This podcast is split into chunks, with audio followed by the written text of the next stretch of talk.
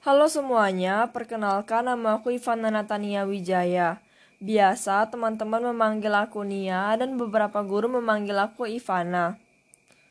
Aku lahir pada tanggal 14 Mei tahun 2005 di kota Padang. Dan aku memiliki seorang adik laki-laki. Aku sekarang duduk di bangku SMA lebih tepatnya pada tahun terakhir. Biasanya nih dalam perkenalan diri selalu tertera tentang hobi. Hobi sendiri didefinisikan sebagai kegiatan yang biasa dilakukan dari waktu luang atau kegiatan yang digemari. Dulu aku menggunakan waktu luang untuk membaca novel, berenang, maupun menonton film. Tetapi untuk saat ini aku lebih sering menggunakan waktu luang untuk tidur. Kenapa tidur? Karena masuk sekolah pagi, setelah itu pulang sekolahnya siang. Berikutnya aku melanjutkannya dengan les dan beberapa tugas. Keseharian seperti itulah yang membuat jam tidur aku kurang maupun tidak normal. Biasanya aku hanya tidur sekitar 3 jam ataupun yang paling lama 5 jam. Pada usia 5 tahun, aku memulai jenjang pendidikan dasar di SD Agnes Teresia yang terletak di kota Padang.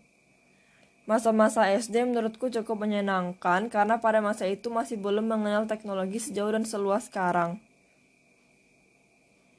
Biasanya setelah pulang sekolah aku sering bersepeda, main kelereng, main lompat tali, bahkan bermain bola bersama teman-teman hingga sore. Setelah itu aku melanjutkan pendidikan menengah pertama di SMP Maria.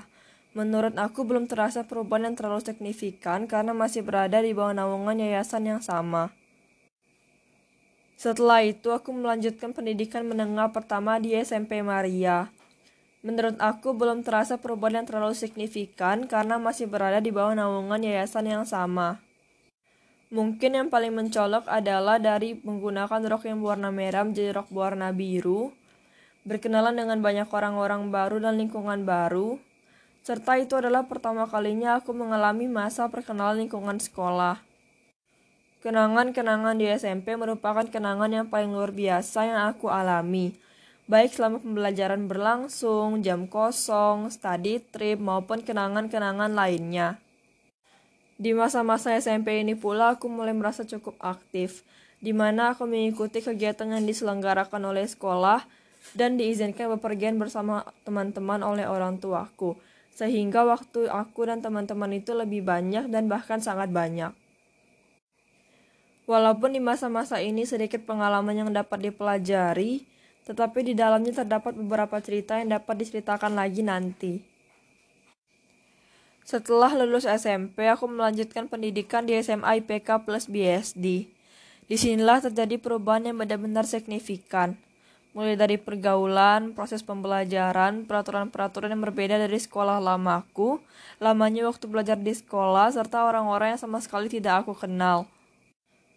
Jika di waktu SMP aku tidak terlalu merasa gugup karena cukup banyak orang yang aku kenal, di masa SMA aku benar-benar gugup karena tidak tahu harus mulai dari mana dan merasa mungkin akan sulit untuk beradaptasi. Semuanya benar-benar terasa baru.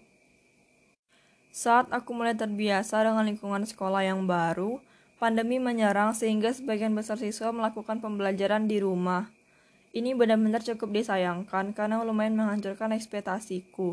Sebagian besar orang-orang mengatakan bahwa masa-masa yang paling indah itu adalah pada saat SMA. Tetapi sebagian besar masa SMA aku habiskan di rumah saja dan bahkan sangat sulit untuk bertemu dengan teman-teman.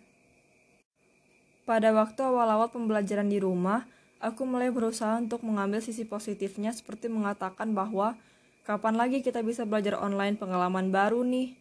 Tetapi beberapa bulan kemudian aku mulai merasa jenuh di rumah dan selalu disuguhkan dengan tugas yang cukup banyak.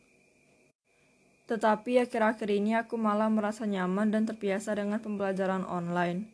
Walaupun keseharian selama pembelajaran online membuat jam tidur menjadi kacau maupun sakit pinggang karena duduk terus di depan layar laptop, lebih baik aku melaksanakannya dengan sepenuh hati.